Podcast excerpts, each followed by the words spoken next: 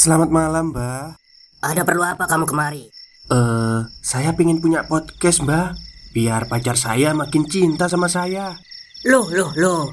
Mau bikin podcast kok tanya dukun? Sekarang kamu download aplikasi Anchor.fm. Di situ kamu bisa buat podcast gratis dan podcast kamu bisa didistribusikan ke platform mana pun. Dan di aplikasi atau website Anchor.fm juga terdapat fitur-fitur yang memudahkan kamu untuk membuat podcast. Oh, gitu ya, Mbak. Kalau gitu, saya boleh minta password wifi-nya, Mbak. Buat apa? Buat download Anchor.fm, Mbak.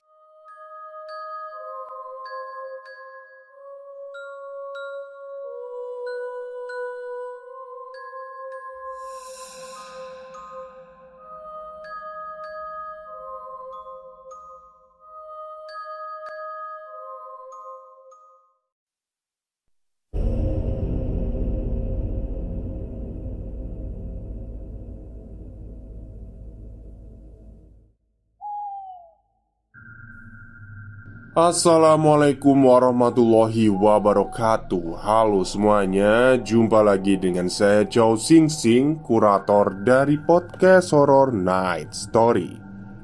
Halo apa kabar semuanya? Semoga kalian semua sehat-sehat ya. Dan seperti biasanya pada malam hari ini Saya kembali dan akan menghadirkan sebuah kisah mistis untuk kalian semua. Kisah mistis kali ini saya datangkan dari tweet twitternya Creepylogi Kalau bisa dibilang ini Ya ada sih serem-seremnya ya. Cuman lebih banyak kocaknya kalau menurut saya. Tapi enak kok untuk didengarkan. Oke daripada kita berlama-lama Mari kita simak ceritanya. Bang, lu meleng apa gimana? Kok bisa nyusur ke got kayak gitu? Dari gorong-gorong gelap. Pria korban kecelakaan itu nyengir. Tak percaya harinya bisa seapes itu. Gue lihat kuntilanak bang di rumah itu. Dan orang-orang pun di sekitarnya tertawa. Saya akan menceritakan suatu fenomena yang menurut saya aneh bercampur lucu. Tentang kuntilanak yang kerap menampilkan wujudnya di balkon sebuah rumah di kawasan Pejaten. Sebagian pembaca mungkin pernah mendengar kisah ini. Kalau kamu dari arah Pejaten Barat atau Kemang, lampu merah Republika, ambil lurus Jalan Pejaten Raya. Sampai di pertigaan Unas ada convenience store tusuk sate, sebut saja namanya Famima. Nah, di situ kejadiannya. Tetapi jangan salah sangka. Store itu baru dibuka sekitar 2012 atau 2013. Sebelumnya digunakan oleh yayasan atau organisasi Islam. Gue, gue lupa ICC atau apa gitu. Waktu dipakai yayasan, rumah itu masih bentuk aslinya. Rumah khas pejaten atau jaksel lah. Di samping sebagai kantor, tempat itu juga menampung beberapa anak. Mereka sekolah di luar, namun secara umum bangunan itu dapat dikatakan lenggang. Saya nggak akan menceritakan detail bangunan dan aktivitas di sana.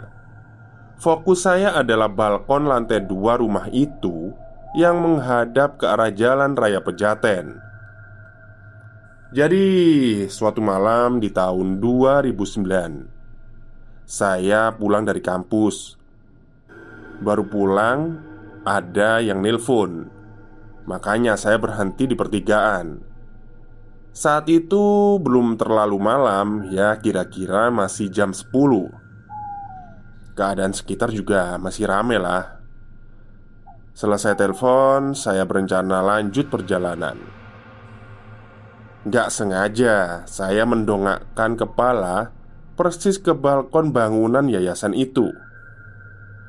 Tampak sesosok wanita wujudnya cukup jelas berdaster sedang mengitari balkon dengan langkah kecil.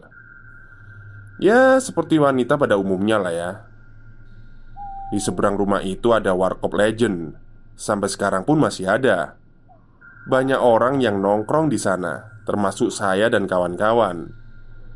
Kalau rame tongkrongan bisa meluber ke jalan. Jangan keliru ya, ini bukan warkop gorengan anjing yang di, yang di pertigaan tanjakan itu. Gorengan anjing. Oke, singkat cerita, beberapa waktu kemudian saya nongkrong di warkop itu. Delosor di Jalan Gardu yang ada di sebelahnya. Nah, mata saya seliweran, terus berhenti di balkon rumah itu. Lampu balkon kebetulan gak nyala, tapi saya kembali melihat sosok wanita ada di atas sana. Saya nggak bisa melihat dia dari depan karena dia membelakangi jalan sambil memegangi besi balkon. Saya penasaran, jadi saya terus lihat tuh ke arah situ Ngapain udah hampir subuh dia cari angin sendirian? Tiba-tiba Kakak angkatan saya negur. Woi, ngapain lo lihat-lihat ke sana? Ya, saya jawab seadanya melihat perempuan itu. Dan saya juga bilang beberapa waktu yang lalu pernah melihatnya di tempat itu. Hei, itu kuntilanak ya Kata senior saya sambil terkekeh. Halah, ngarang Mana mungkin kuntilanak vulgar kayak gitu? Serius, lu perhatiin aja kalau nggak percaya. Lama-lama juga ngilang. Nah, karena nggak percaya, saya bukti ini. Ternyata bener. Lama-kelamaan dia lenyap tiba-tiba. Saya lapor dong ke senior. Wah bang, bener. Tahu-tahu ngilang dia. Ya, emang begitu. Udah dari dulu dia nongkrong di situ. Dari kue semester 1 udah ada dia. Usut punya usut. Teman-teman saya seangkatan sebagiannya juga ada yang lebih dulu tahu soal itu. Dan seperti senior saya yang tadi, mereka ya cuek aja Meski sukar dipercaya, saya jadi lebih sering melihat perempuan itu. Orang-orang menyebutnya kuntilanak balkon. Dia bisa muncul kapan saja dan pergi semaunya. Kadangkala dia bertingkah sok manis, duduk di tembok balkon dengan kaki menjuntai. Kakinya bahkan suka bergoyang. Dan konyolnya, Seturut pengalaman saya saat lagi nongkrong gitu Dan si kuntilanak muncul Semua teman saya juga bisa melihat dia Pokoknya tanpa pandang bulu tidak pilih kasih Rata sama rasa Egaliter dan menjunjung tinggi prinsip equality before the ghost Uh, bahasa Inggris saya sangar ya Biasanya Penampakan jin cuma bisa dilihat sebagian orang dalam perkumpulan. Tapi itu nggak berlaku buat kuntilanak balkon. Dia mungkin nggak mau satu dua orang dituduh schizofrenia paranoid gara-gara kehadirannya Jadi dia berbuat usil Maka saya menyimpulkan Kuntilanak balkon itu adalah sosok yang terpelajar Setidaknya membaca pram karena dia adil sejak dalam pikiran, apalagi perbuatan. Namun, sewaktu-waktu kemunculan perempuan itu juga mendatangkan kesulitan. Ada saja orang asing yang lari ketakutan, atau lebih parahnya lagi, menyebabkan kecelakaan kendaraan. Stop, stop, kita break sebentar. Jadi, gimana? Kalian pengen punya podcast seperti saya? Jangan pakai dukun pakai Anchor.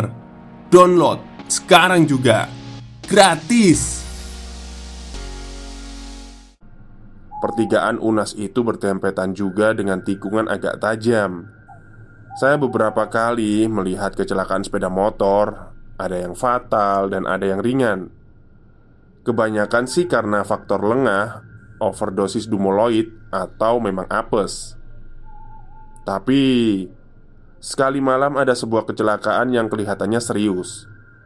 Motornya berguling-guling Orangnya terpental dan naasnya nyemplung di selokan atau gorong-gorong yang agak lebar dan dalam. Semua orang berusaha menolong sembari berharap dia baik-baik saja Saat diintip syukurlah pengemudi motor itu bergerak dan sanggup berdiri sendiri. Hanya saja mukanya hitam lantaran gelap, tertutup oleh lumpur. Itu ajaib, sebab kecelakaannya itu terlihat mengerikan, tapi orangnya selamat dan sehat. Jadi, teman saya bertanya, "Bang, lu meleng apa gimana bisa nyusur got kayak gitu?" Dari gorong-gorong gelap, pria korban kecelakaan itu nyengir. Tak percaya harinya bisa seapas itu. Gue lihat kuntilanak bang di rumah itu Dan orang-orang di sekitarnya pun tertawa Tahun 2012 atau 2013 Rumah itu beralih fungsi jadi store Meja dan kursi di mana-mana Di lantai satu dan dua Lampunya bukan main terangnya. Ramai pengunjung melebihi pasar Apalagi setelah ada kopi susu gula aren. Sejak itu Kuntilanak balkon tidak pernah lagi muncul. Ah, Saya jadi merindukannya. Tamat. Baik, itulah cerita singkat dari Mas Kripilogi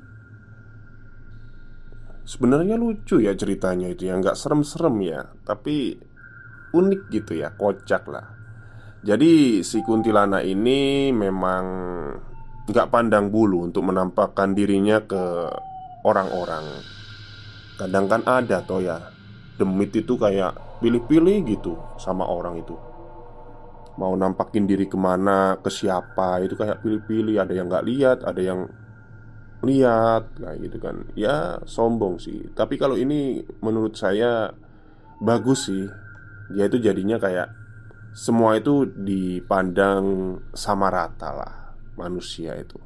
Jadi bisa melihat dia semuanya. Uh, oke mungkin itu saja cerita untuk malam hari ini ya.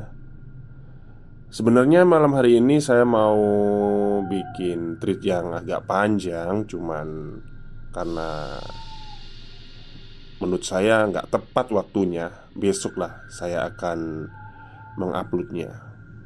Baik mungkin itu saja untuk malam hari ini. Selamat hari Senin besok ya. Selamat bekerja semuanya. Semangat kerjanya. Jangan ngantuk Karena nanti hari Sabtu dan Minggu libur lagi Oke, mungkin itu saja. Selamat malam dan selamat beristirahat.